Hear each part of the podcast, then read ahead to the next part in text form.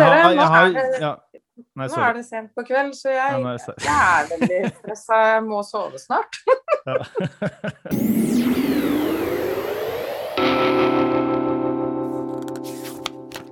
Ja, ja, ja, kjære lytter, da sitter vi her igjen på Zoom. Vi er sammen med tre fantastiske mennesker som skal snakke om et fantastisk tema som ligger veldig nært mitt hjerte. Vi skal snakke om selvhjelpslitteratur og selvhjelp. Og ikke minst må vi huske å si velkommen lytter, men også medmenneske, medborger og bokvenn. Velkommen til deg, Joanna Sjankowska, psykolog og forfatter. Velkommen til deg, Hilde Østby, idéhistoriker og forfatter. Og velkommen til deg, Arne Borge, kulturredaktør i Vårt Land. Takk. Jeg heter Jonas Meyer, og vi starter med å finne ut hva leser disse menneskene for tiden. Velkommen, kjære medmenneske, medborger, bokvenn og lytter til denne fotnoten. Hvis du har hørt på denne podkasten før, så vet du at vi har flyttet hva disse menneskene leser for tiden, til slutten av podkasten. Men du lurer kanskje også på hva all denne fuglesangen er. Disse harde støtene av fugl. Og det kan jeg avsløre, det er gråspurv i hagen til Hilde Østby. Dere, la oss komme i gang med dagens tema. Selvhjelp. Vi har funnet en definisjon på selvhjelp på Wikipedia. Den er på engelsk. A self-help book is one that is written with the intention to instruct its readers on solving personal problems. Altså en bok som skrives med den intensjon å instruere sine lesere i å eh, løse personlige problemer. Vi kan eh, se litt på det etter hvert, om vi er enig i den definisjonen, men det er en grei start, eh, startpunkt. Arne, du skrev en spennende Skal vi kalle det kronikk i Vårt Land, eller kommentar er det kanskje, i Vårt Land. Dette med å En prosess du har vært igjennom, og akseptere at du faktisk var et vanlig menneske med helt vanlige problemer. Og at du da endret litt synspunkt på, på selvhjelp. Kan ikke du eh, fortelle litt om, eh, om den teksten og den prosessen? Ja, altså eh, nå er det, jo, det er jo på en måte en gammelt nytt at selvhjelpslitteratur er en utskjelt eh, sjanger. Den har jo vært utskjelt så lenge nå at det begynner jo sikkert å bli litt sånn stilkontrært å være pro selvhjelp, sånn som jeg eh, var der da i desember. Eh, men det er jo, eh, poenget mitt var da kort fortalt, som du var innom, å akseptere at jeg er et massemenneske.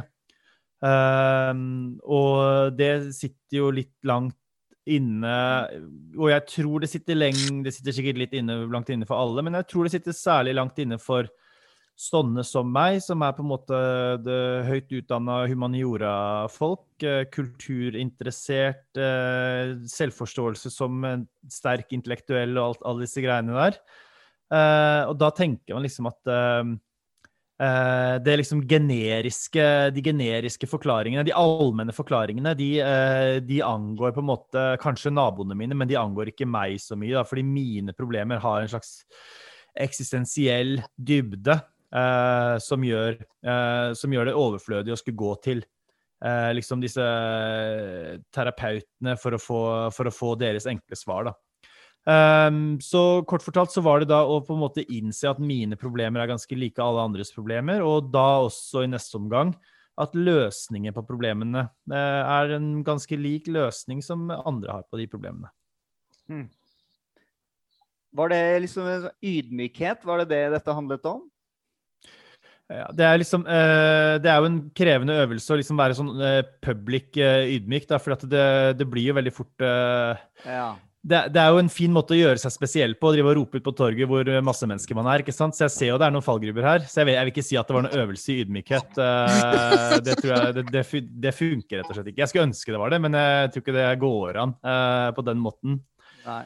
Så jeg tror heller jeg vil legge vekt på at det var en økt uh, At jeg bedra selvinnsikten min, da. Uh, I hvert fall tror jeg, da. Mm. Du si, kan du si kort noe om, eh, hvis du kan gi noen eksempler på sånne uh, problemer eller løsninger eh, som du har funnet.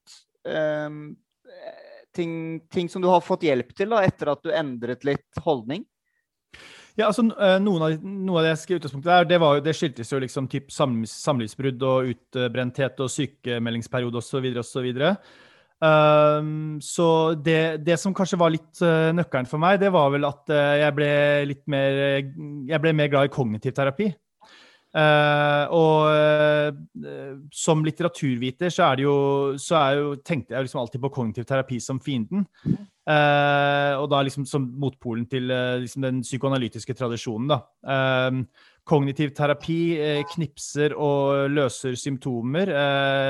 samtaleterapi eller psykoanalyse går ordentlig i dybden og finner fram til liksom de virkelig liksom, dype eksistensielle problemstillingene. Nå, nå, forenkler jeg selvfølgelig veldig. altså de som er, Nå sitter jo folk her med mer psykologikompetanse enn meg, da. Men det var, men det var i hvert fall dette forenkla kartet jeg, jeg eh, tenkte ut fra. da. Og da når jeg var litt inne i kognitiv terapi, blant annet, så syns jeg jo at de lagde opp noen veldig sånne funksjonelle og skjematiske strukturer som jeg hadde veldig stor nytte av. Um, så det er vel det korte Det tror jeg er eh, det korte svaret på det. Mm. Mm. Dette med å oppdage at man er et massemenneske. Er det noe dere kjenner igjen, eller eventuelt ikke kjenner igjen, Hilde og Johanna? Mm. Ja, øh, det gjør jeg. Uh, altså mer uh, noe jeg ble konfrontert med første året jeg studerte psykologi. Uh, hvor på en måte Altså hele premisset for å kunne ha en vitenskap om mennesket er at det er noen likheter mellom oss. For hvis alle, absolutt alle mennesker var fullstendig forskjellige og hadde liksom var styrt av forskjellige idiosynkratiske lover, så, så, det hadde ikke vært noe poeng på en måte i å ha psykologer, fordi vi er avhengig av å kunne generalisere uh, sant, hva som er mest vanlig. Uh, så, så, så, er Vi må være litt like for å kunne ha en psykologi som vitenskap. Mm, og det er ganske, altså Du blir jo overrasket jeg vil si senere når jeg begynte å jobbe som psykolog. Så, så, Du blir overrasket over hvor like folk er. Og selvfølgelig, Vi har jo en individuell måte å oppleve ting på, men, men vi opplever mye av det samme. Altså jeg, I min første jobb på DPS så jobbet jeg med ganske mange som hadde ja, suicidale planer og tanker. Og, ja. og det, det de sa, var ganske likt. Eh, det de sa, var på en måte at Uh, alle vil ha det bedre uten meg. Det var veldig gjennomgangstema. At det er like greit at jeg dør fordi jeg er så forferdelig. Og jeg er så motbydelig og forferdelig at det er bare best at jeg dør, fordi alle kommer til å ha det bedre uten meg. Og Det er nesten som en sånn suicide switch. altså Det er nesten som en sånn ting i hjernen som bare slår seg på. fordi folk sier det nesten med de nøyaktig de samme ordene. Altså 10, 20, 30, 40, 50 personer som kom og sa nøyaktig det samme. Og Da tenker man jo at her er det noe universelt. da, ikke sant? At når man blir såpass syk, eller, så, så, så er det noe som slår inn uh, hos uh, mennesker. Så, så, og Sånn har det fortsatt. da, bare Nå jobber jeg ikke like mye med folk som er suicidale, men, uh, men at det er noen likheter som er ganske slående hvis man jobber som psykolog. Så, da... men, så mennesker er ganske like, men, men den selvhjelpssjangeren og Har den noe særlig høy stjerne hos dere psykologer, da? Ja, men det, det, er jo interessant eh, å høre hva Arne sier. Altså, jeg kjenner meg veldig igjen i det. Dette med, altså, jeg har gått i psykoanalyse i fire år, tre ganger i uka. Jeg, mens jeg studerte. Så da jeg skulle begynne å jobbe, så var det sånn åh, Jeg skal bare psykoanalysere alle. Ikke sant? Jeg skal ikke senke nivået mitt til kognitiv terapi eller mindfulness. Men samtidig, det kommer liksom litt i konflikt med et annet prinsipp, som er at altså det er pasientens behov som skal være styrende, og ikke mine. da. Så, så, når det kom en pasient til meg og sa nei, jeg ville ha mindfulness, så måtte jeg jo bare lære meg det. Og, og så jeg lærte meg kognitiv terapi, og det, det har veldig mye for seg. Og, Følte du at du mm. skitnet i hendene dine? nei, altså etter hvert blir man jo mer sånn pragmatisk. Sånn derre whatever works. Og jeg mener det virkelig, at det gjelder selvhjelp òg. Altså hvis, hvis eh, noen som er deprimert, leser en skikkelig cheesy, klisjéfull bok som gjør vedkommende frisk fra en depresjon, så ja, kjør på, liksom. Det er jo veldig bra. Er, Selv om altså... det er eh, Jordan Peterson? Den kan ha noen eh, bivirkninger, ikke sant. Akkurat han. At, han, eh, at folk begynner å hate kulturmarxister og, og, og radikaliseres på nett. ikke sant? Så det, det er jo liksom den bivirkningen.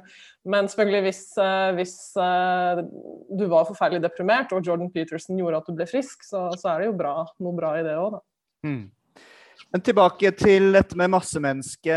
Mm, Hilde, kjente du noe igjen når Arne fortalte i sted? Um, ja, altså jeg, uh, Mesteparten av livet mitt så har jeg jo slitt med veldig tunge depresjoner, og uh, jeg har jo tenkt at jeg var helt unik i det. Og så, etter, etter, så har jeg gått masse i terapi, selvfølgelig, og i tillegg så har jeg lært meg om hvordan hjernen virker, og det er noe utrolig beroligende i å vite at jeg er veldig vanlig og mine problemer eh, arter seg på en helt vanlig måte. Eh, eh, jo mer jeg lærer om mennesket, jo mer skjønner jeg at vi er veldig like, og vi trenger hverandre. Hjernen er først og fremst sosial og skrudd for at vi skal kommunisere med hverandre. Og samtidig vi, har vi masse individuelle, artige forskjeller, da. Så det, vi er jo hele tiden i det spennet mellom å være individualister og være massemenneske.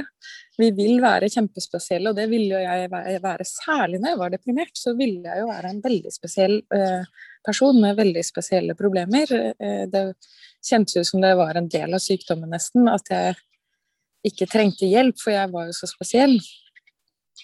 Mm. Så, mm, men jeg tenker det å omfavne sin allmennmenneskelighet er, er jo det friskeste, da. Det verste for mennesker er å være ensomme. Det er ikke noe verre for mennesker. Det er en ekstrem stress for oss mennesker når vi tror at vi er i ferd med å kastes ut av flokken. Så det sterkeste instinktet hos oss er jo å være sammen med andre mennesker.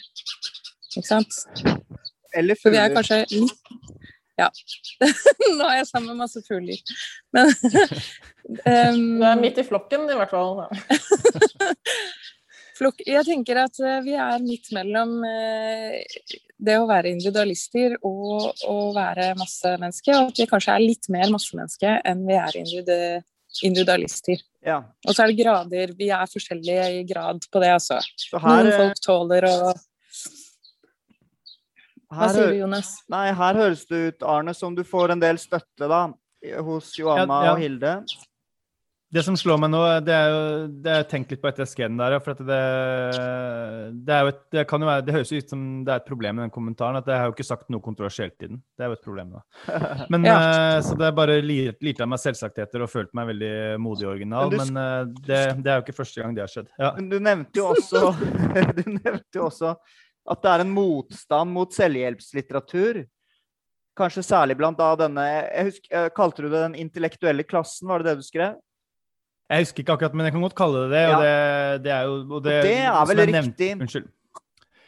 Det er nok kanskje litt, det er jo litt riktig. Dette det vet jeg på en måte ikke. Det er jo bare en, det er jo bare en magefølelse og anekdotiske erfaringer. Og så tror jeg også litt det, det forbeholdet jeg kom i stad, stemmer at jeg tror, jeg tror, jeg tror det har svingt litt. Jeg tror, jeg tror eh, Uh, Sissel Gran, som jeg er veldig opptatt av, det er jo en grunn, jo en grunn til at hun har blitt fast spaltist i Morgenbladet, som jo er, uh, som jo er uh, vår avis, i anførselstegn. Um, og vært det lenge. Og, så den aksepten er Og det ville hun ikke vært, tror jeg, i 2002, men, men, nå er hun det, og um, jeg er veldig glad for det. så jeg tror, det, jeg, tror jeg, jeg, jeg, seiler nok på en, på en bølge der som allerede er ganske, blitt ganske ja, stor. Ja. Johanna ville si noe? Mm, eh, altså, samtidig vil jeg tenke at altså, nå nevner vi mer sånn type selvhjelp som er eh, innafor. Eh, vitenskapelig sett, eh, empirisk mm. belagt, som er sånn innenfor en slags eh, veldig grundig forsket på del av psykologien. F.eks. emosjonsfokusert parterapi, som Sissel Gran er en av de fremste representantene for, eh, er jo veldig mye forsket på. Det er kognitiv terapi også. Mens eh, jeg vil jo si at jeg har veldig mye motstand mot sånn type veldig uh, suspekt New Age, jalla, cheesy, sånn helt forferdelig sånn uh, selvhjelp som bare handler om at som en slags giftig positivitet, som er sånn Mm. benekt smerten din, bare vær glad, ikke sant? Den derre Ja, kanskje, kanskje vi skal ta det nå. Altså, det er jo The Ja. Som, du, Ja. som, du, som, som passer godt på det du beskrev nå. Altså, The Secret var et fenomen for kanskje ti år siden. Eh, det var en, en film opprinnelig, en dokumentarfilm, og så kom det en bok i, i kjølvannet som handler nettopp om, om at du, hvis du oppfører deg som om du allerede har eh, nådd et eller annet mål, at innstillingen din, du skal endre innstillingen din, og da vil du nå det målet. Men det er også veldig materialistisk, den, den eh, dokumentarfilmen. For det er snakk om sånn at hvis du ser en diamantring da, i en butikk, så skal du tenke som om du allerede eier den diamantringen, og kjenne den takknemligheten over å eie den diamantringen.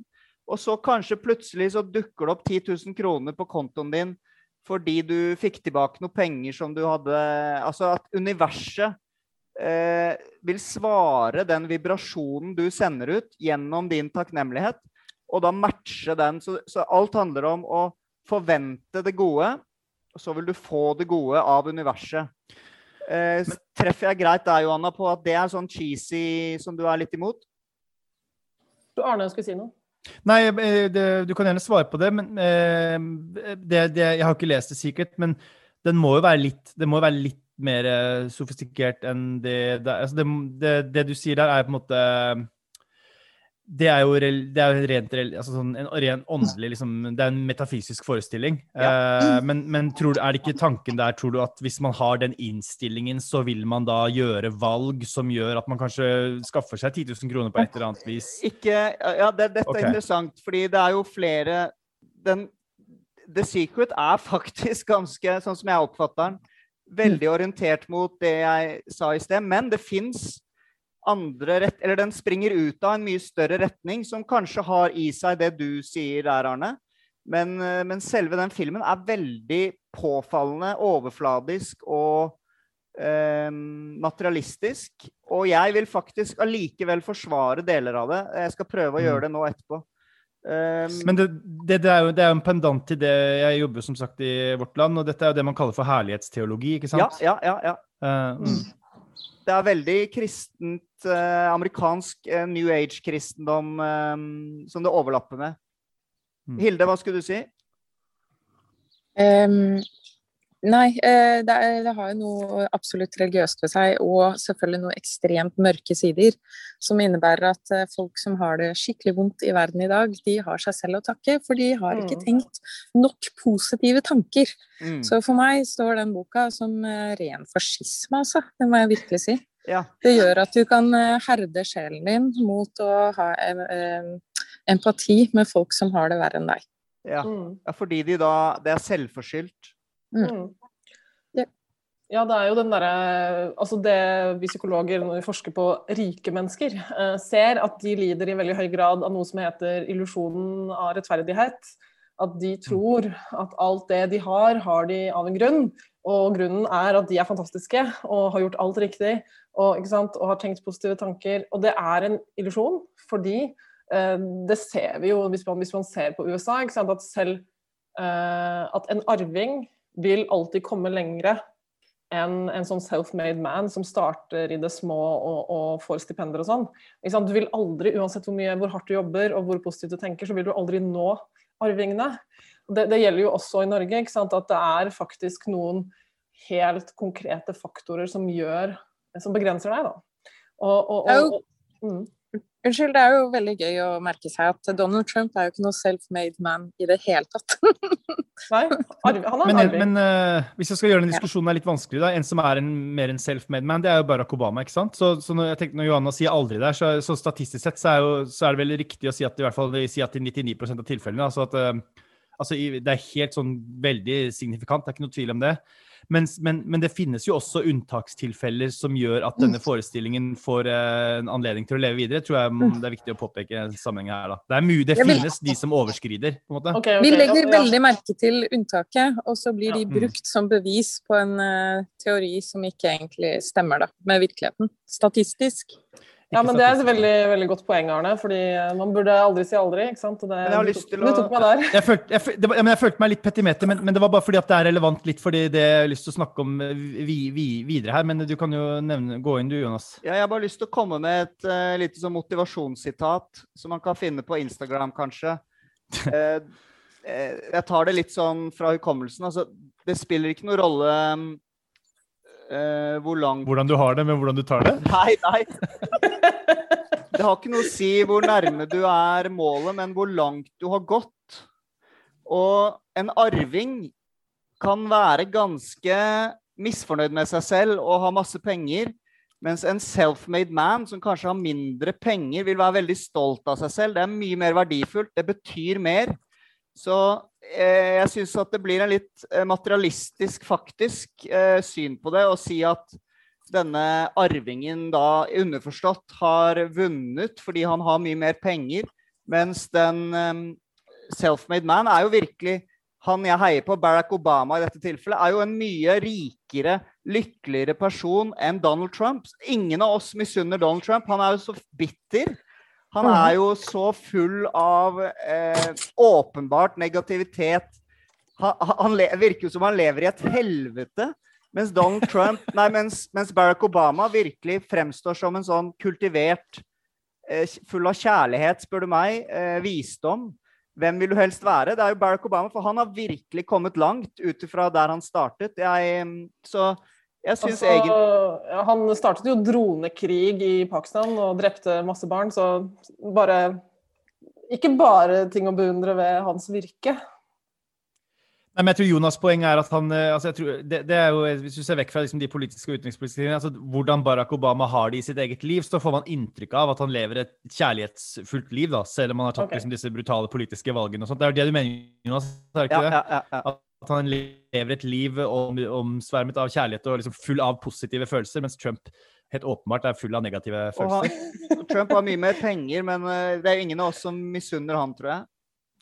Og det er vel også en, det er vel en kjensgjerning, dere som kan lykke, dere som kan lykkeforskning. Nå vet jeg ikke hvem jeg, hvem, jeg vet ikke hvem jeg, Det er vel deg, Johanna og Hilde. Jeg bare se for meg at dere kan, kan det. Men at uh, når det gjelder penger, så det kommer man jo opp til uh, si at uh, fra opp til et visst nivå så blir man lykkeligere, men det er jo på en måte det er jo ca. sånn vanlig middelklasselønn. God middelklasselønn.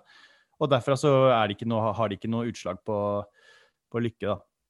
Jo, jo, men det stemmer. Så altså over, eh, over en viss Altså når vi ikke sulter og ikke trenger å tenke på inkassoer og sånn, når vi kommer liksom over den terskelen, det er sånn tipping point at du eh, hvis du ikke trenger å bekymre deg om penger hele tiden, så, så, så spiller det ikke så stor rolle om du tjener på en måte 700 000 eller 1,5 million. Eh, da slår mer ditt medfødte lykkeintervall inn. At alle mennesker har sånn anlegg for lykke som legger Mm. seg inn i et sånn intervall. Mm. Og, du kan, og det er mange som mener at du, det, det skal mye til for å gå ut av det intervallet. At du, noen mennesker er bare fornøyde, og noen mennesker er bare misfornøyde eh, innenfor intervallet sitt. Men, men tenker ikke det, eh, hvis sånn at vi ikke alle blir sånn samfunnsforskere her nå, men liksom eh, heller kommer med våre sårbare eh, selv. Um, tenker ikke det, For det er jo no, litt av grunnen til at jeg er interessert i det temaet her, og det er jo at jeg tenkte i siste på liksom nysgjerrig på hvordan jeg kan, hvordan jeg kan bli mer lykkelig. Uh, og det er jo uh, Nå er jo dette en bok, bokpod, og dette blir jo ikke det blir nok ikke veldig litt, det blir ikke den mest litterære sendinga di, uh, Jonas, men det lover litt i korta. Eh, men, eh, men det er jo sånn eh, jeg, husker, jeg, jeg husker før, jeg liker veldig godt Dag Solstad. Jeg husker han sa et intervju en gang sånn derre Jeg tror det var en roman 1987. Jeg så sa intervjueren om han Fjord, da, hovedpersonen i romanen. Så sa han til Solstad ja, han Fjord han virker jo ikke noe særlig lykkelig. Og så var Solstad stille, og så sa han bare ja, hvem er det som har sagt at man skal være lykkelig? Og det var liksom sånn noe jeg la, la Det, det syns jeg passa godt med min livsinnstilling også. Det, der, øh, det å jakte etter lykken, det er, for, øh, det er jo for masse mennesker, ikke sant? Det er for folk som ikke skjønner hvor spennende eller hvor rikt livet er på alle mulige andre områder. Og det er jo vi, litt, vi som er glad i gode bøker, vet jo at jo, de gode bøkene handler jo sjelden om lykken.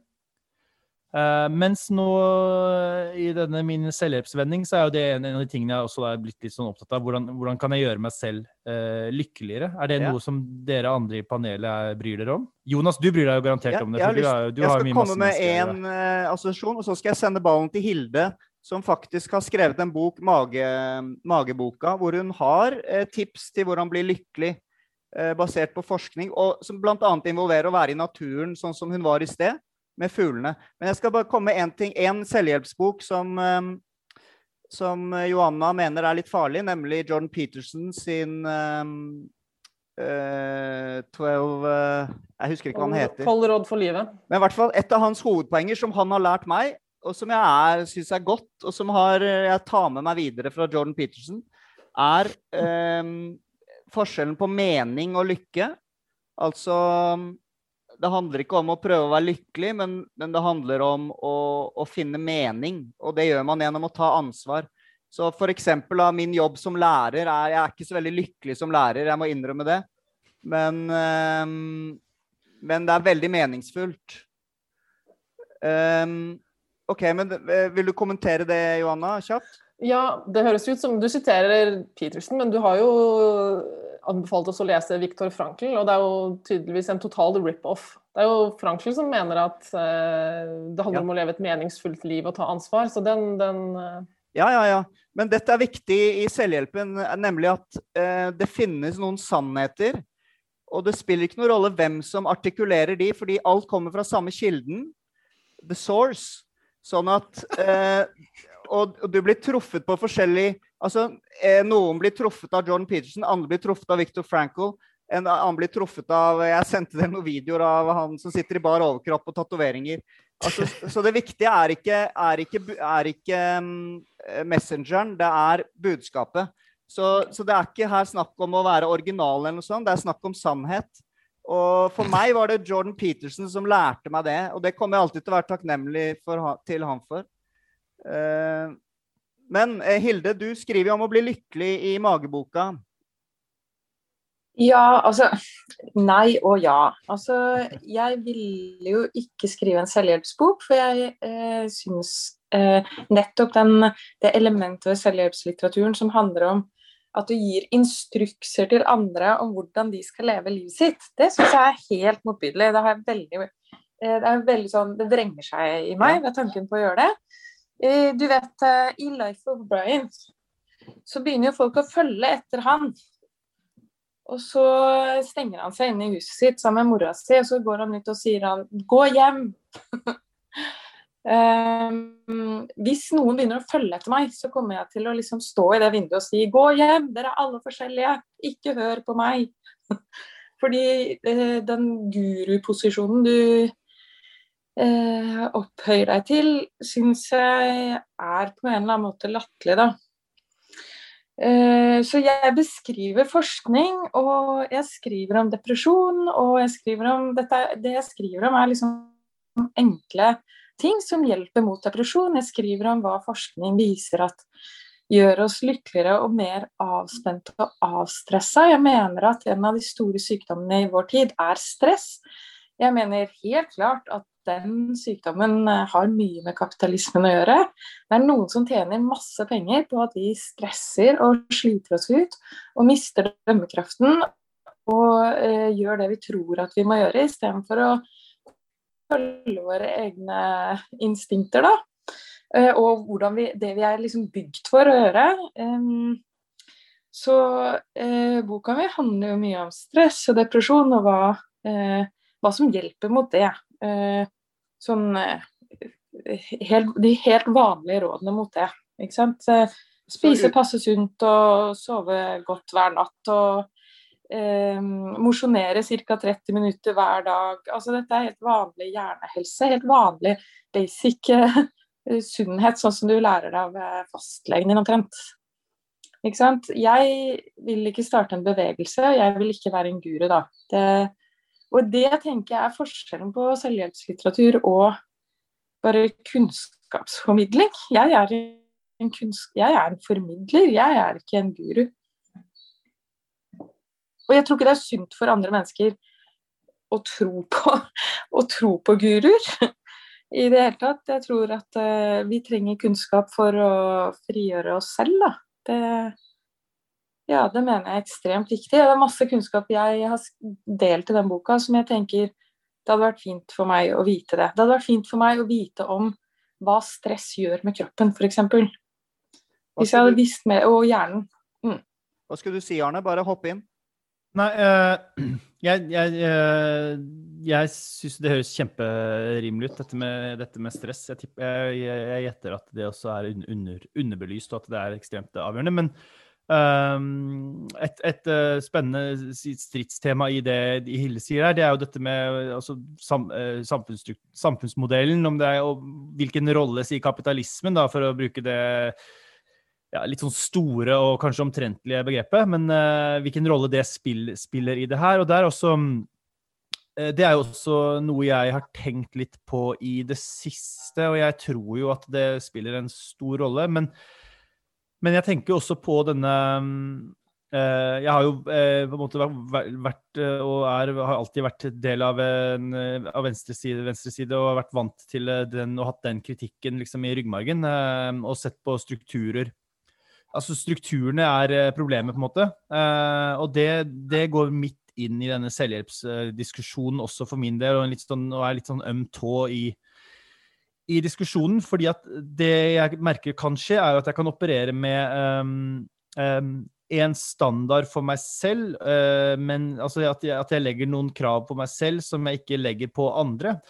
Uh, og jeg tror jo selv at uh, Hille snakka om naturlige impulser og sånn. Jeg, jeg, er jo litt redd for mine egne naturlige impulser, ikke sant. Jeg, jeg spiste halvannen pose potetgull i går kveld, og det var fordi at det lå halvannen pose potetgull i skapet mitt. Uh, hvis jeg åpner en sånn pose, så spiser jeg den alltid opp. Uh, jeg vet at det ikke er sunt.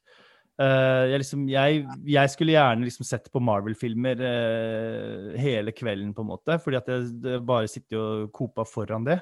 Jeg har masse sånn som på en måte i anførselstegn naturlige, naturlige impulser, som, som i, i, mitt system da er, står kun kan takles ved hjelp av selvdisiplin. Johanna? Men er ikke det altså Psykologiprofessor Ole Jakob Madsen han skriver jo om det at hverdagen vår er jo en kamp mellom det høye og det lave selv. ikke sant? Og, ikke sant? det er jo den spenningen at på den ene siden vil vi sitte og lese Iliaden, på den andre siden vil vi spise potetgull og se på jeg vet ikke, X-Men. ikke sant? Altså det, er den, det er jo noe, en sånn konflikt Men hvilken, rolle, hvilken rolle, spiller uh, Unnskyld, sorry, jeg avbrøt deg, Johanna. Men uh, jeg, jeg, bare lurer på hvilken rolle spiller kapitalismen da, i disse impulsene? Nei, jeg tenker at når du eh, sitter og spiser en hel pose potetgull, eh, som jeg ofte gjør selv også, eh, det er eh, Jeg òg, og Johanna òg. Men det, det, har ofte med stress å gjøre, bare det. Altså overspising har eh, både med stress og ensomhet å gjøre. Altså dette er forskningen eh, på ikke sant? Hva før du fortsetter, Hille, kan vi bare sjekke Jeg overspiste i går også. Gjorde, gjorde, dere også det? Altså, Arne gjorde det, jeg gjorde det. Ja, men det var seigmenn. Seigmenn på Johanna. Hva med deg, Hilde? Det er også godt. Stopp. Husker ikke. Nei, jo, jeg overspiste fordi hele Oslo var åpen, og jeg, måtte, jeg, følte jeg måtte støtte det lokale næringslivet ved å gå på alle restaurantene i nærheten. Skulle støtte kapitalisme. Det var, det var veldig edelt. Ja, det var mot storkapitalismen, da, så vil jeg støtte de små gründerne, da. Som senere kan vokse og bli nye Starbucks. Eh, ja. Men, eh, men eh, Hilde, ja, du, du, var inne på da at det, at det er stress som, som, er roten her. At man spiser da den potetgullposen eller um, hva det nå er, da. Og at Stress, kjedsomhet uh, Men er det kapitalismen som stresser oss, da? Nei da. Altså, vi må jo snakke om det på en uh, litt mindre svart-hvit uh, måte, da. Kapitalismen er jo ikke et stort monster som kommer og skremmer oss til å gjøre ting vi ikke har lyst til. Det er jo et samspill, da. Jeg mener jo at vi må se på vår egen rolle også. Altså hvor lett lar jeg meg lure inn i ikke sant? Det kapitalismen har lyst til, er jo bare at jeg skal kjøpe så mye som mulig, og det er helt fair, på en måte. Og så gjør det det på veldig mange utspekulerte måter. Eh, vi eh, sitter på internett, og bare hvor blikket vårt faller vil eh, generere penger for noen på den andre siden av verden. Hvis du går på en bar, så skrur de opp musikken så høyt at ingen kan snakke med hverandre, sånn at de kjøper mer øl. Det er ikke fordi de er så glad i musikk. Altså, det er veldig mange små måter å stresse oss på, sånn at vi er mindre i kontakt med hverandre og mindre i kontakt med våre egne egentlige behov, som jeg vil si ikke er å spise veldig mye potetgull. Og eh, heller kjøpe det de presenterer som enkle løsninger. Og det er der det litt motbydelige med selvhjelpslitteraturen eh, kommer inn også. Det er en stor maskin. Folk, jeg kjenner jo folk som har sånn 50 forskjellige selvhjelpsbøker. fordi når du først har begynt å tro at en guru kan fortelle deg noe gjennom en bok, så kjøper du gjerne en bok til, for den første mm. funka ikke. Det er en slags sjelens slankekurer. ikke sant? Du tar den kjappe kuren, du kjøper han der Bertram Larsen, et eller annet eh, Åh, Det var en fyr som utga en bok som het 'Helvetesuka', og jeg tenkte bare Fordi alt handlet om disiplin i den boka. Hvis du bare gjør dette, hvis du bare eh, kutter all usunn mat og aldri ser på TV og trener fire timer om dagen, så blir du et supermenneske.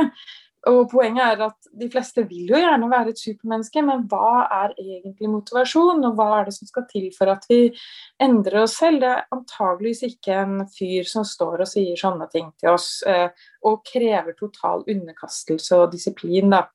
Ikke sant? Men, eh, men for å være litt djevelens advokat, jeg tror faktisk at de bøkene kan funke for noen. Eh, det er litt sånn whatever works. At, at, at det kan selvfølgelig faktisk gjøre at en vet ikke, overvektig eh, person som spiller mye dataspill, eh, bare leser den boka og kommer seg ut av greia og blir jeg vet ikke, eiendomsmegler. Og, og... Johanna, har du, har du, erfaring med det fra egen praksis? Uh, altså det, er, altså det, er, det som er altså det, er, det er det som er så pussig altså Det er så mye som kan gi oss den impulsen til å endre oss. At det kan mm. godt være en selvhjelpsbok.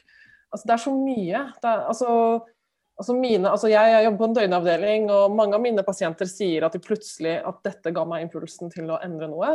Altså at det var et sånn vendepunkt. Vi snakker ofte om det, og det er, jeg må si, det er sjelden noe jeg sa. mm. Eh, det er ofte liksom en naturopplevelse eller en bok eller noen som sa noe, eller et kunstverk. Altså det kan være sånne ting som ga dem den der impulsen til å gjøre et vendepunkt. Ehm, så jeg tror at det, det, kan godt være folk får det også gjennom selvhjelpslitteraturen og gjennom guruer.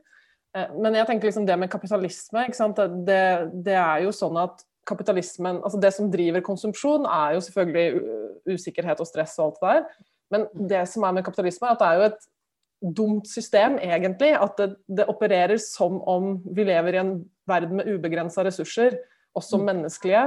Så kapitalismen bruker opp mennesker og kaster dem på søppelkassa. Så folk jobber på Amazons lagerhaller, og så, og så, blir de uføre etter det. Så, samtidig som egentlig så hadde også på en måte næringslivet og kapitalismen gagnet på å ha en velferdsstat og ha den der fornybare ressursen som er lykkelige mennesker som jobber. Så det er jo liksom et veldig dumt system som, som sliter oss ut og stresser oss også, da.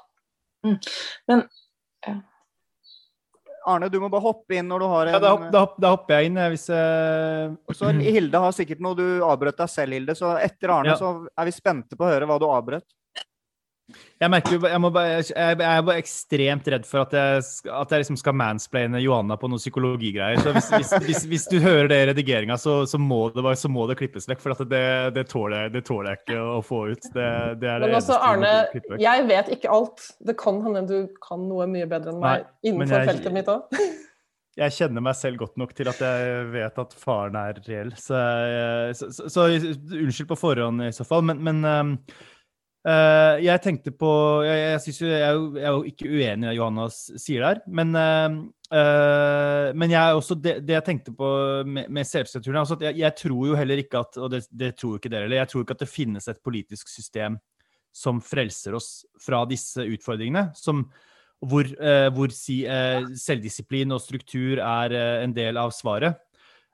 og det er også noe jeg har tenkt Det er jo en litt sånn privat erfaring, men at jeg syns det hjelper å vende noen ganger litt sånn blikket innover, da, i motsetning til det, han, det Madsen ønsker. Da. Så vender jeg blikket inn, og så ser jeg hva er det jeg selv kan gjøre nå i mitt eget liv. Uh, dette, ikke, dette, handler ikke nødvendigvis om strukturer uh, ene eller andre. Hvilke grep kan jeg ta for å bli lykkeligere? Og, da, og, det, og, det, tror jeg på en måte Det, det tror jeg den det ansvaret overfor en selv, er, hvis ansvar er et hardt ord, men det er kanskje greit, det, det tenker jeg at man må, det vil man fortsatt ha også etter kapitalismen. Ja. Her er det sånn at jeg kunne klappet. Jeg, jeg, jeg syns det var flott sagt. Jeg støtter det. Veldig enig.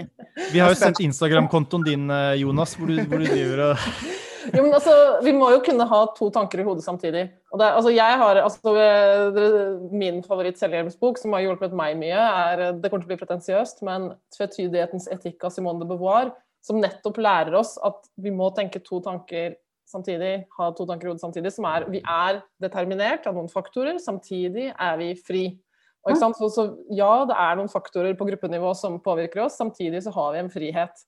Sånn eksistensialistisk frihet til å forbedre mm. oss selv også. Så det er både sånn at eh, kapitalismen påvirker mennesker, samtidig som mennesker også er selvdeterminert. Det er, liksom, det er både og. Både at mennesker er individualister og helt unike, og massemennesker samtidig. Det er jo liksom litt det som er det paradoksale med et menneske. da. Det, det, det, har et, et interessant dilemma i den, i den sammenhengen her. og det, og det er jo sånn uh, Hvis jeg ikke tok ordet fra deg nå, Hilde? Gjorde jeg det? Jeg tenkte på det med ja, la, meg, la, meg, bare ta den ene her, så kan dere har sikkert noe å melde på den. Uh, og det er det der med uh, sånn bruk av mindfulness i videregående, f.eks. Det er jo sånt tema som jeg tror du, Johanna, blant annet har, uh, mener du har ment noe om. Um, og da blir det jo regna som uh, Apropos det du snakka med stress, uh, Hilde. det blir jo som, Av kritikere blir det regna som en, på en måte en symptombehandling. Altså du tar, du tar problem det at, mange eller det at mange skoleelever er så stressa at de trenger mindfulness, det sier noe om at, deres, at det er noe galt med hverdagen deres. og da er jo dilemmaet, tenker jeg da er det da, burde de da likevel få mindfulness hvis det hjelper? Eller, eh, for det, det, er det jeg tenker, noen, noen, En sånn type eh, systemkritikk fra Venstre eh, kan være litt, kanskje litt sånn lite pragmatisk. fordi de er, så redd, de er så redd for at hvis de får mindfulness, så oljer vi på en måte det maskineriet som, som produserer stress. Mm. Jeg bare, ja, Det var jo litt på en måte denne kritikken jeg fikk for den mageboka. da, At jeg prøver å si noe om eh, ja, hvordan bli kvitt en del av det kroppshatet da, eh, på et individuelt plan, når problemet egentlig er samfunnet. Og um, ja, det er både òg, ikke sant. Uh, men hva kan jeg endre først? Jeg kan i hvert fall ikke endre samfunnet først. Boka mi, i mitt tilfelle, så var det jo ikke et uh, Jeg tror jo ikke at min bok kan endre samfunnet, men jeg tror kanskje jeg kan overføre noe kunnskap som gjør det litt lettere å identifisere mekanismer da, i eh, det individuelle livet. Men når det gjelder skolen, så mener jeg jo at det er 30% av gutter som faller ut av videregående skole. Det er de smarte. Det er antageligvis de smarteste i det systemet. Fordi jenter har jo nå eh, skutt i været på angst og depresjon. Eh, og det sier meg at det systemet er menneskefiendtlig. At det er ikke plass til kreativitet og livsutfoldelse. Det er et sted for måling og veiing. Eh, og å presentere resultater til enhver tid. Og det sier oss noe om samfunnet som helhet. Det sier noe om hva som gjør mennesker lykkelige, hva vi må dyrke mer, og hva vi har råd liksom, Vi har ikke råd til å vi har ikke råd til å miste alle disse ungdommenes nysgjerrighet og livsglede. Og som samfunn som helhet så må vi ta mer vare på nysgjerrighet og livsglede. Og det, da hjelper det ikke med en selvhjelpsbok. Da må det bli revolusjon. Så du der ute som hører på nå, bli med meg. Møte opp på Jungstorget på onsdag klokka seks, så starter revolusjonen. Jeg håper det virkelig at det blir revolusjon. Uh, ikke sant? Og selvfølgelig, Man kan jo problematisere det det er litt. Grann, at, uh, altså jeg har jobbet i videregående med disse elevene i tre år. og det er jo litt økning i psykiske plager, men det er jo ikke noe Det er bare vi som tror det er en epidemi, fordi vi er så bekymra for ungdommen. Men også disse som faller ut, de fullfører ofte videregående innenfor fem år senere. Altså, sånn, det, er ikke, altså, det er ikke så forferdelig som mange maler det i avisene. Uh, og ungdommen klarer seg som regel. Det er en veldig fin lyd En generasjon som elsker foreldrene sine, som kommer hjem klokka ti, som har masse venner, masse kulturell og sosial kapital. Sånn, hvor jeg, jeg, vil heller hevde at faktisk, det er sånn som, uh, sånn som han jeg nevnte, Madsen, har skrevet, at det største problemet akkurat nå i skolen og i, blant ungdom i Norge er fattigdom. At, at det, det, er det som fører til mest uhelse. Psykisk uhelse akkurat nå, da. Men uh, vet jeg ikke om vi har sporet av helt, Jonas? Ja, det er bra å spore av, men den, la oss si vi, det blir revolusjon, da. Og så, så, lager vi et nytt samfunn. Dere skal få slippe å, å gå i detalj på, på hvordan, det skal, eh, hvordan det skal organiseres. Men la oss si at det blir organisert på en veldig god måte. På, på den ultimate måten. Som tilrettelegger for det humane, det menneskelige i oss. Min eh, mistanke er at selv i det samfunnet vil vi våkne opp og ha lyst til å spise potetgull. Selv i det samfunnet vil vi våkne opp og se oss selv i speilet, og det vil være en stemme som sier 'faen, du er stygg'. Du har helt rett, selvfølgelig. Er, altså, ja. selv, i det Nå skal jeg bare fortsette med parallellisme. Ja, fortsett, Selv i det samfunnet En halvtime. altså, vi kommer, til å ha, vi kommer til å være ulykkelige også etter revolusjonen. Det er sant, Jonas. Og der, selv i det samfunnet tror jeg selvhjelpslitteratur har en, en plass, da. Du må i hvert fall få brent ned disse sørlandsskipsfabrikkene under den revolusjonen da, for å løse det problemet. Men altså, jeg tenker jo det fins eh, jeg, jeg, tror ikke på noen ting og er fullstendig ateist-anarkist. Men eh, det er jo tanker fra buddhismen som gjør liksom Som kan ha noe som helst eh, virkning på meg, som hjelper meg. Og som handler om å bare gi slipp på ideen om evig lykke og altså den eh, i vår kultur har vi en tendens til at vi skal optimalisere oss selv hele tiden, og at livet vårt skal bli bedre og bedre, og til slutt skal det bli helt fantastisk. Eh, noe som er ekstremt sånn dødsfornektende og sykdomsfornektende eh, og ganske skadelig. Altså den innstillingen til livet tror jeg er eh, eh skaper eh, uhelse, da. Ikke sant? Så hvis det er noe som har hjulpet meg, da, så er det eh, buddhismens tanker om å bare se alt som en elv som flyter forbi. Eh, den ene emosjonen avløses av den andre, og det er ingenting som er for evig, da. Eh, og på den måten så slipper man jo den på en måte skuffelsen der, da at man ikke får det optimale samfunn, for det får vi aldri. Vi får ikke de optimale menneskene. Vi er fulle av feil, og vi gjør så godt vi kan, og det meste går over, og til slutt skal vi dø. um, kan, jeg, kan, jeg, prøve meg på en, å lese fra en bok her, um, som litt, berører litt det du snakker om? For, for, det er på en måte to uh, poler her. Det ene er um, selvomsorgen, kjærligheten, til seg selv og aksepten. Og så er det den andre som er den selvforbedringen.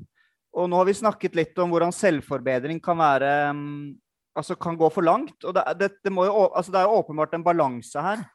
Men, eh, men, her er det en som eh, snakker om en moderlig og en faderlig samvittighet.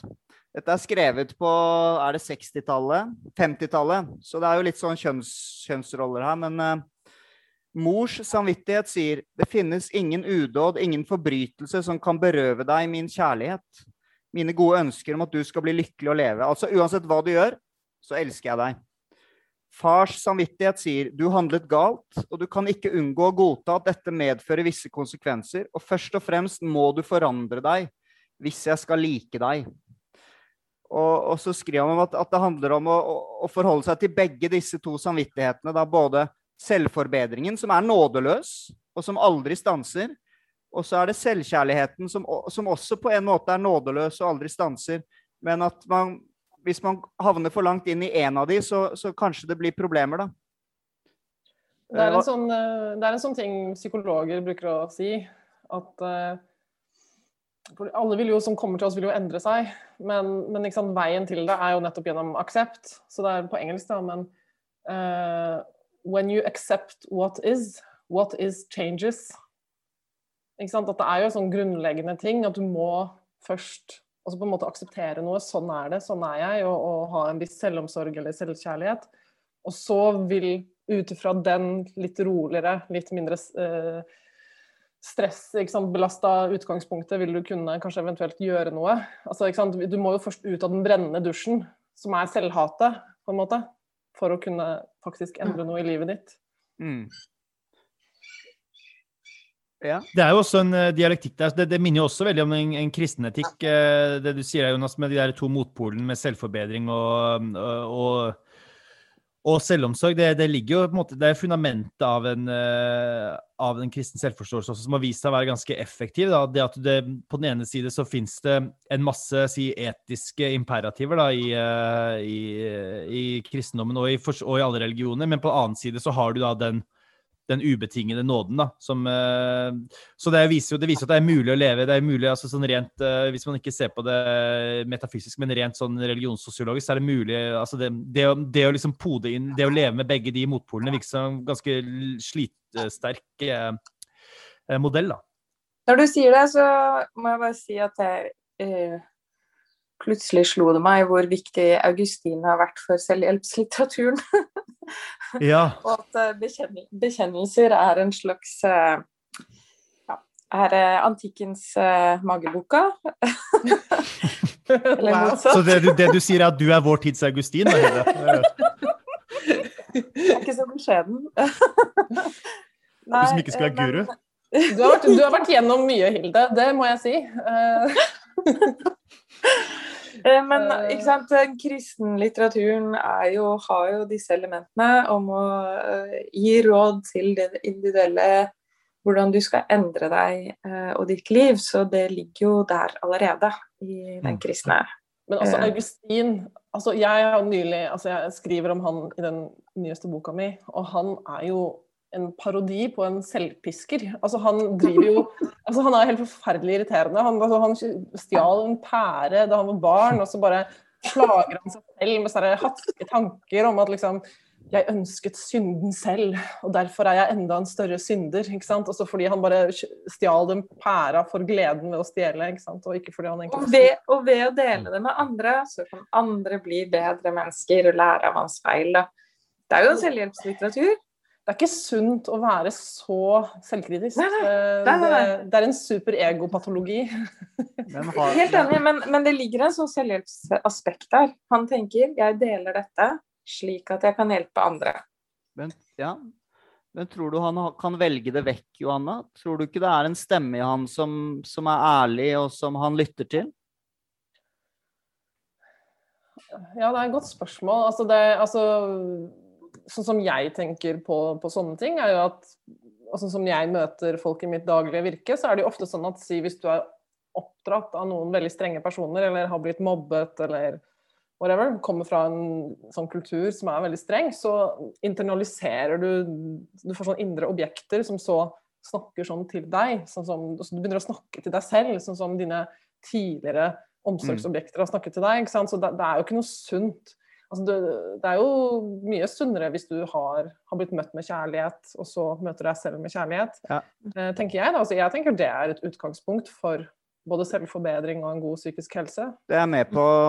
Jeg syns det var fint sagt, og den har vi vel alle. Vi har vel inter, alle internalisert uh, stemmene vi har um, på en måte vokst opp med. Men, men, noe av arbeidet her blir vel å, å sortere jeg, jeg, tror nemlig på at det fins en stemme som snakker til oss, som ikke er den eh, skal vi si, den som er blitt plassert der av andre, men som er en, en form for sannhet som hvisker, og som noen ganger er litt kritisk, som kommer gjennom samvittigheten, som river litt i oss, eh, sliter litt i oss, og som forteller oss ja, du kan bedre enn det. Kom igjen. Du kan klare litt bedre. Jeg, jeg tror det, det er eh, Og den kan være slitsom nok. Den kan være ganske mild, men den kan være veldig slitsom. Men jeg tror det er en sannhet der da, i den stemmen som hvisker, og at noe av selvhjelpslitteraturen er litt drevet av den stemmen. Kanskje noen ganger går det for langt. Det blir mer den strenge moren eller strenge faren som, som kanskje er patologisk. patologisk men, men i bunn ligger det en hvisking som er samvittigheten, og som er noe større enn oss. Og som er en god kraft, selv om den er uh, Selv om den er kritisk. Ja, jeg syns jo mye av selvhjelpslitteraturen er preget av eh, folk som eh, vil tjene penger på andres usikkerhet over eget liv. Og for meg så er jo selvhjelps... Eller det som hjelper meg, er kunnskap. Og jeg bruker mye tid på å lese eh, eh, vitenskap og populærvitenskap og, eh, og lære meg ting. Og det å lære noe om verden og om hvordan mennesket er satt sammen, det er det den eneste egentlig hjelpen jeg syns jeg kan få. Eh, du får eh, på en måte Du får litt av kartet, da, og så må du finne stien sjæl. Mm. Det tenker jeg er det eneste som gir mening, og at det er altfor mange mennesker som tjener penger på å leke stifinnere i eh, mitt liv, da. Ja, nei, altså det, det, som har hjulpet meg altså det, Jeg liker jo sånn, apropos det Arne sa, jeg liker jo sånn kognitive teknikker. Sånn nære type Jeg kan få sånn kjempeangst hvis jeg kommer fem minutter for sent i et møte. Ikke sant? Så er det sånn kognitiv teknikk som bare sånn Kunne dette vært en VG-forside? Sånn Kvinne, 35 år, kom fem minutter for sent til et helt ubetydelig møte. Ikke sant?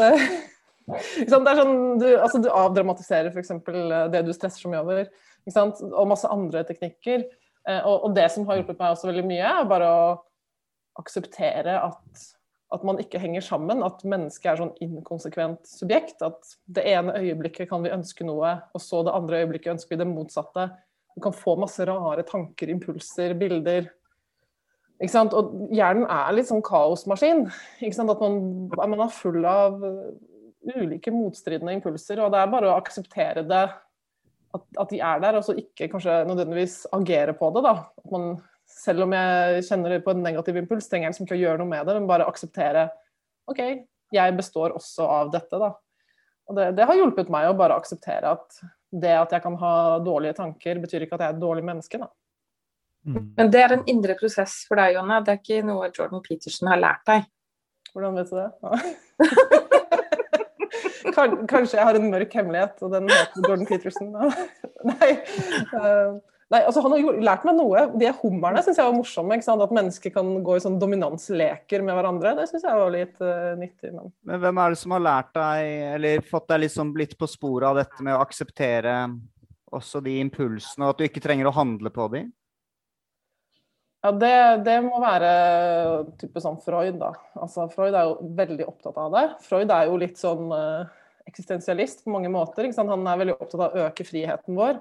Og han mener jo at gjennom å gjøre ting bevisst uh, Altså ting som er ubevisste, det agerer vi på uten å skjønne det selv. Mens ved å gjøre alle disse impulsene, alle disse tankene bevisste, så vil vi øke vår frihet. For da vil vi se sånn Oi, nå fikk jeg den uh, Nå fikk jeg lyst til å gjøre noe helt forferdelig. Og i går så hadde jeg lyst til å gjøre noe veldig konstruktivt. Og så at man kan liksom løfte de opp og se de og romme de i bevisstheten, og, og da vel, kunne velge. Mm.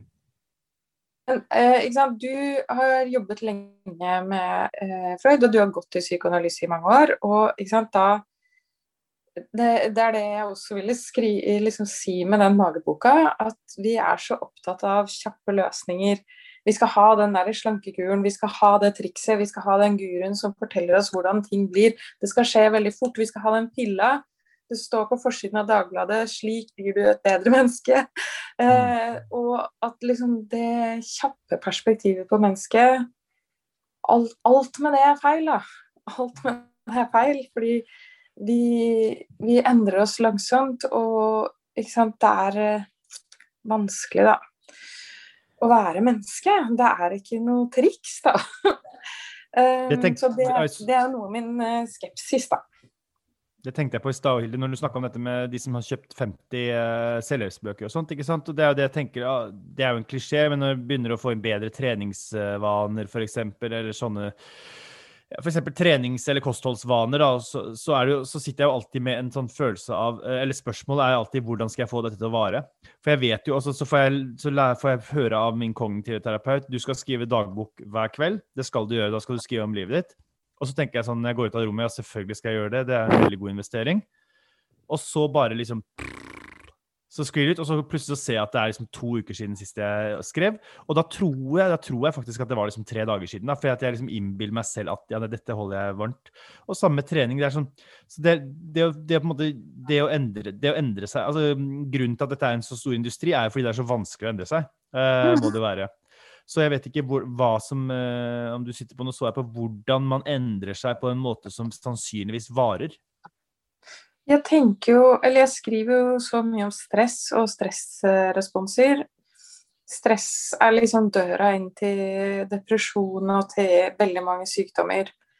Eh, og stress gjør at vi tenker veldig kortsiktige tanker. Det gjør at vi er mindre kreative, mindre spontane, mindre lekne mindre i stand til å danne relasjoner og kose med hverandre. Jeg tenker at ja, For min egen del så er det å jobbe, mm, jobbe med det, da. Å jobbe med de helt nære relasjonene og få de, de ekte kontakten med mennesker, da. Det er, det er det som gjør at jeg også kommer mer i kontakt med meg selv og blir et bedre menneske. Og så går jeg masse i terapi, selvfølgelig. Gå i terapi, egentlig. og, men, og være eh, sammen med gode venner. jo, men jeg tenker om den dagboka, Kanskje du ikke har lyst til å skrive den? Kanskje den ikke gir deg noe? liksom? Da... Du jobber jo med å skrive. Hvorfor skal du skrive noe på kvelden også? Det syns jeg virker helt urimelig. Eh, jeg vil si det er et dårlig råd. Men eh, altså, jeg, jeg, jeg, også gir mine pasienter lekser, men jeg prøver å gi dem sånne hyggelige lekser. Sånn som de har lyst til å gjøre. Ikke sant? Også hvis man skal begynne med en sport, altså gjør det du syns er mest morsomt. Ja, men jeg syns det å skrive den dagboka For det første så får jeg jo ikke skrive meg selv på jobb, eller det gjør jeg jo innimellom da, med sånne kommentarer, men stort sett så får jeg jo ikke lov til det. Og da det, dagboka kan jeg jo skrive meg selv. Jeg syns det hadde veldig god effekt, og det handler jo nettopp om det Johanna snakka med Freud, at du flytter, du, du flytter tankene dine over i det over, du, du bevisst, Det er bevisstgjøring som er liksom stikkordet. Det, er, det føler jeg som kognitiv terapi. så er det ja. bevisstgjøring, bevisstgjøring, bevisstgjøring. Så det er en måte å bevisstgjøre ja, hvordan OK, jeg skulle skrive sånn Jeg skulle skrive hver dag så skal jeg skrive tre positive ting, for at jeg jobba mye med liksom sånn jeg, jeg, fikk jo høre at jeg var selvkritisk og så videre, ikke osv. Jeg skulle skrive tre positive ting jeg hadde gjort den dagen, og så skulle jeg skrive tre ting jeg likte med meg selv sånn generelt. da. Uh, så, så, og det er jo sånn uh, Ja. Um, og det syns jeg var bevisstgjørende. At, uh, og det har jo sikkert med stress å gjøre også, som du sier. At du går en dagen, og så raser ting bare av gårde. Og så, så, det å sette seg ned og reflektere over det, det gir jo mening. Jeg har lyst til å okay. mening okay. Men Arne, ja. da syns jeg du skal fortsette, men du må tilgi deg selv for alle de dagene du ikke har skrevet uh, boka. Ja, ja. Ikke vær så hard med deg selv. Det blir så veldig enten-eller. Alt med dette er sånn Jo mer du tenker at det skal være en kjapp løsning, jo mer blir det enten-eller. Det blir sånn Å, jeg fikk det ikke til. Alt raser. Nå går det til helvete. Men det er jo et, på, et pågående arbeid. Ikke sant? Det, men det, ikke sant? Det, du kan gjøre som Ida Jackson. Det er det første du gjør om morgenen. Du kan sette en alarm, ikke sant? selvfølgelig. Men, eh, men nå ble det veldig deg, Arne. Beklager. Ja. Jo, men jeg, men, jeg, har lyst, jeg, har lyst, til å melde meg på um, uh, det du sa der, Johanna. Syns jeg hørtes spennende ut å gjøre det om morgenen i stedet for på kvelden. Men jeg tror du for det første du skal spørre um, om råd om akkurat det. Til, uh, skal du spørre en person som har fått det til? Altså en person som faktisk skriver dagbok hver dag. Og det gjør Snakker jeg. Snakker du om deg selv? Ja. Nei, eh, vet dere hva, vet dere hva? Jeg, jeg overdriver litt. Jeg, um, jeg gjorde det f.eks. ikke i dag, men jeg, la oss si jeg gjør det Det var deg. Åtte av ti dager, da. Uh, men jeg skriver ikke jeg, Før skrev jeg sånne tre positive ting og sånn. Jeg, jeg, har jo lært av en, en, person som jeg har fått mye ut av, som jeg sendte dere på YouTube. Han, han som sitter i bar overkropp og skriker. Og hans jeg har overtatt hans konsept, men jeg har gjort det til mitt eget. Men det jeg gjør nå, er at jeg skriver tre ting jeg angrer på fra dagen før. Og så skriver, og så skriver jeg meg inn i liksom, hvordan jeg har lyst til å endre det, hvordan jeg har lyst til å gjøre det annerledes, hvordan, jeg, hvordan det skaper smerte i livet mitt. Og derfor Jeg prøver på en måte å nærme meg en eller annen livssmerte, lidelse, uten å fetisjere det, men, men, å se hvordan jeg kan på en måte få plass til mer kjærlighet i livet mitt da, gjennom å konfrontere litt. Men det å gjøre det på morgenen har funket for meg, fordi jeg syns det er veldig vanskelig å gjøre ting på kvelden. Da er sinnet og litt det Hilde er inne på, da, da er man mer oppsamlet eh, stress fra dagen. Så det kan være den roen på morgenen kanskje kan være inngangen, altså. Men dere, ja, jeg har, er det, ja, ja. Nei, nå er det sent på kveld, så jeg, jeg er veldig stressa. Jeg må sove snart. ja, men du, Det kan godt være at vi skal runde av nå. Vi, vi har vært innom mange interessante ting. Eh, Arne, kan du bare kort uh, avrunde den uh, dagbokprosjektet ditt? Ja, jeg trenger ikke å si så mye mer om det. Jeg, jeg, har begynt å stå opp klokka fem. Det er også en del av sånn selvforbedringsstrategien min. Men, men, problemet mitt da, da har jeg lyst til å lese andre ting. Eh, og det er fordi at jeg syns det er litt kjedelig å skrive den dagboka. Hvis jeg skal være ærlig, Så da prøver jeg å få det unna på kvelden. Og når jeg står opp klokka fem, da vet jeg at jeg har liksom halvannen time før ungene våkner, og da har jeg lyst til å lese avis eller, en, eller Espen Søby, for eksempel, da, har jeg lyst til å lese når jeg våkner klokka fem. Okay, jeg, jeg, har ikke lyst til å skrive tre ting jeg angrer på fra dagen før, liksom. Nei, nei. Det er ikke alltid jeg har lyst til det heller, jeg skal innrømme det.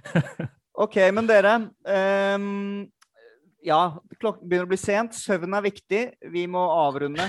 Kan dere ikke kjapt nevne en favorittselvhjelpsbok før vi sier ha det og god natt? Hvis dere har, ikke allerede har nevnt det, så kan dere eventuelt gjenta noe dere har nevnt. Men, um, eller et favoritt selvhjelpstriks. Uh, opp til deg hva du, vil, hva du, vil, komme med.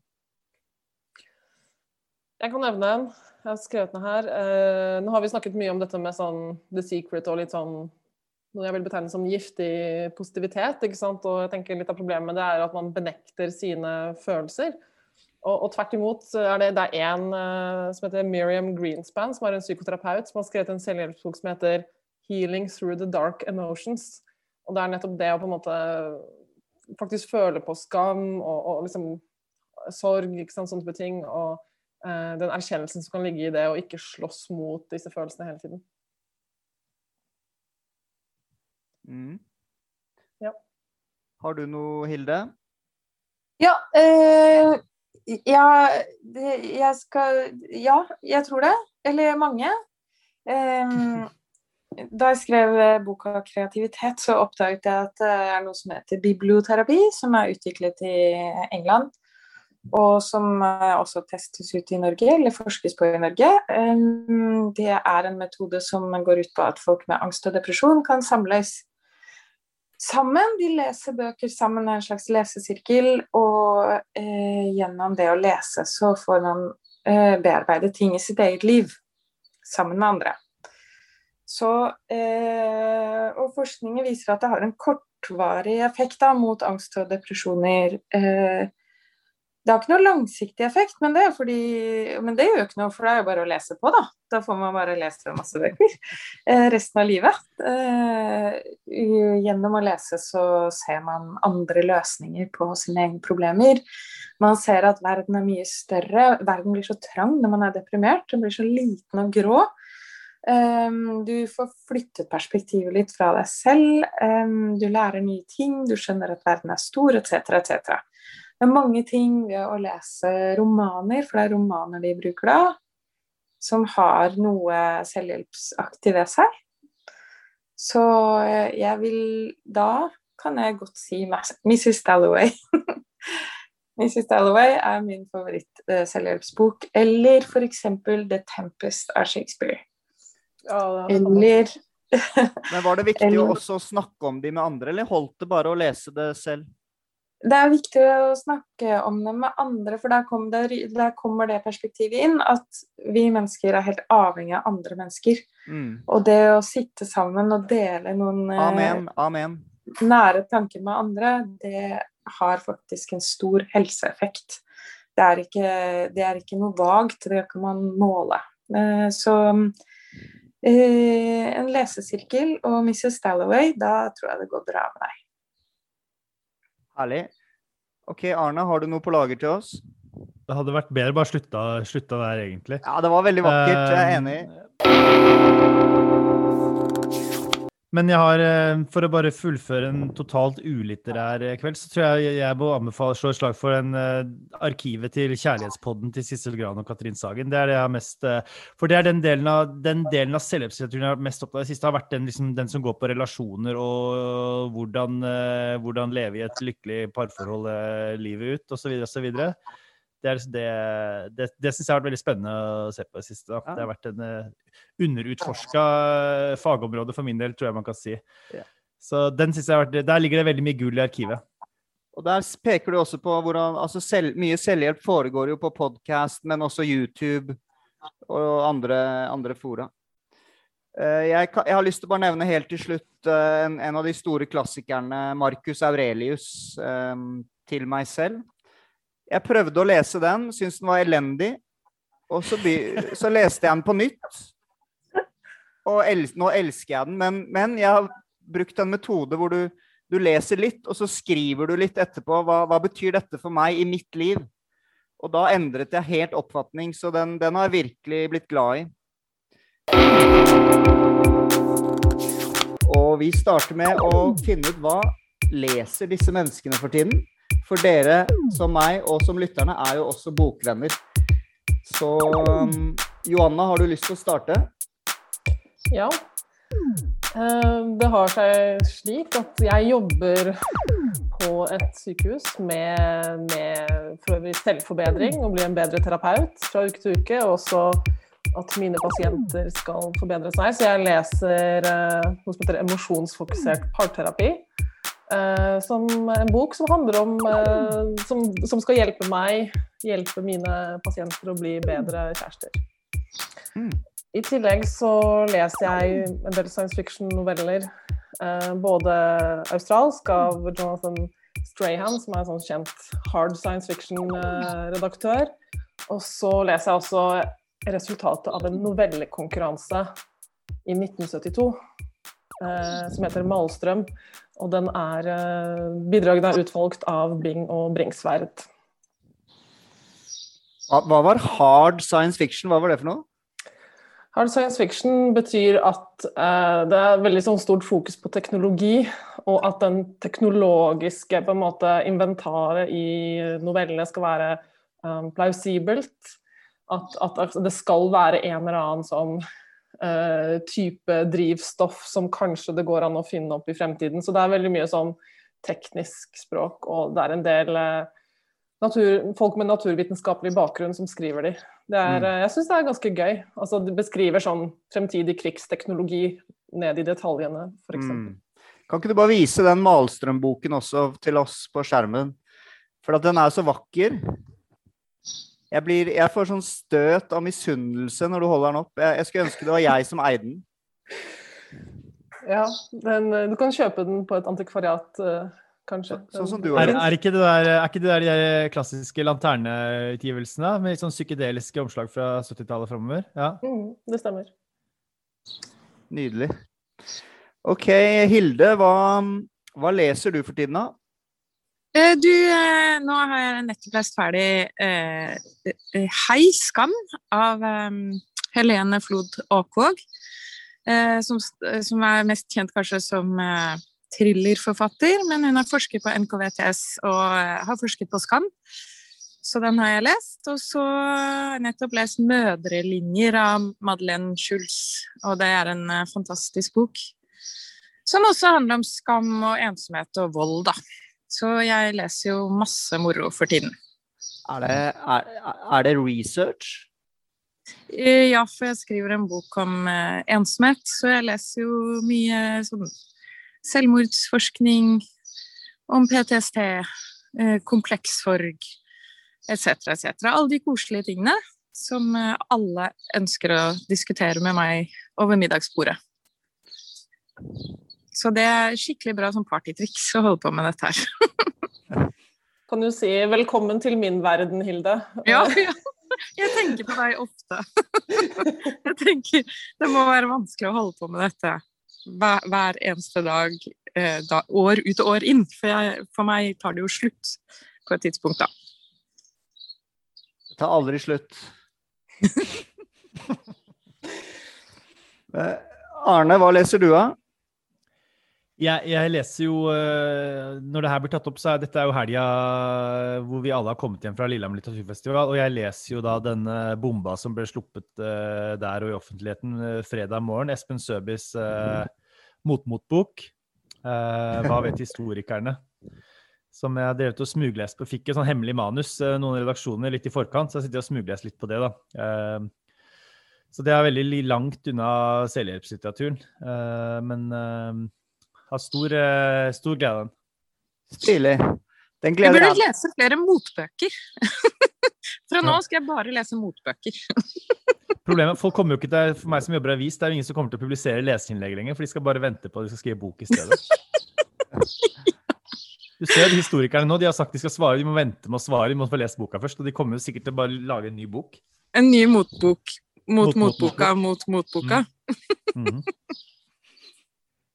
Ja, men eh, jeg, jeg gleder meg også til å lese den, faktisk. Eh, Når du først har lest motboka, så må du jo nesten lese motmotboka òg. Så har du det gående. Men, eh, nei, men bra. Er det ingen som skal være litt høflig her og, og spørre meg hva jeg Å leser? ja, søren. Hva leser du? Hva leser ja. du? Vi dør etter å vite det. Den kommer speilvendt på Zoom her, men jeg leser 'Iliaden' av Homer, hvis dere har hørt om den. Er- Hvilken oversettelse? Oh, Peder Østby. Østby. Er dere i slekt? Nei, vi er ikke det. Og Hilde Østby, det har jeg ikke tenkt på, men han har en E til slutt. Peder Østbye. Ah, ja. Yes. Okay. Det, Ikke slekt. Fins det, det gode, flere enn gode norske oversettelser av den, eller er det det fins i hvert fall nynorske. Ja, det er den nynorske. Den Er er, veldig arkaisk. Den er veldig arkaisk. Ja. Skard. Ja, jeg liker den. Ja, gjør du det også? Ja, fordi nei, den, det, du får den følelsen av at det er noe sånn primitivt, og Ja, ja ok. Kan jeg skjønne. at, det er den, at, det er, at det kommer fra fortiden. Fordi det ble jo gjenfortalt og gjenfortalt gjennom generasjoner før, før det ble skrevet ned. Så du får den følelsen, tenker jeg, mer av litt sånn arkaisk nynorsk, da. Nå vet jeg ikke, altså Kjell Arild Pollestad eh, gjendikta jo en prosaversjon av Odysseen. Jeg vet, lurer på om han har gjort det i Iliaden også. Altså sånn ikke på vers, men bare Mm. som en sånn Ja. uh, rett fram på prosa. Hvis den har kommet, så er jo det et alternativ. Ja, ja. Og det, det jeg faktisk gjør, og jeg må legge til, er at jeg også har kjøpt en, en engelsk oversettelse på Audible. Som jeg etter jeg har lest eh, en bok Jeg har bare lest de første to bøkene nå. Det er jo 24 bøker, eller sanger, jeg husker ikke. Så hører jeg på den på Audible, på den engelske, så jeg liksom får det inn. Og det er veldig fint å få den inn auditivt, for det er jo et veldig, som du sier, Hilde, muntlig, muntlig verk. Så får man det inn i alle kanaler, og til slutt så kan du den boken grunnpilaren i vår kultur, så har du det under huden. OK.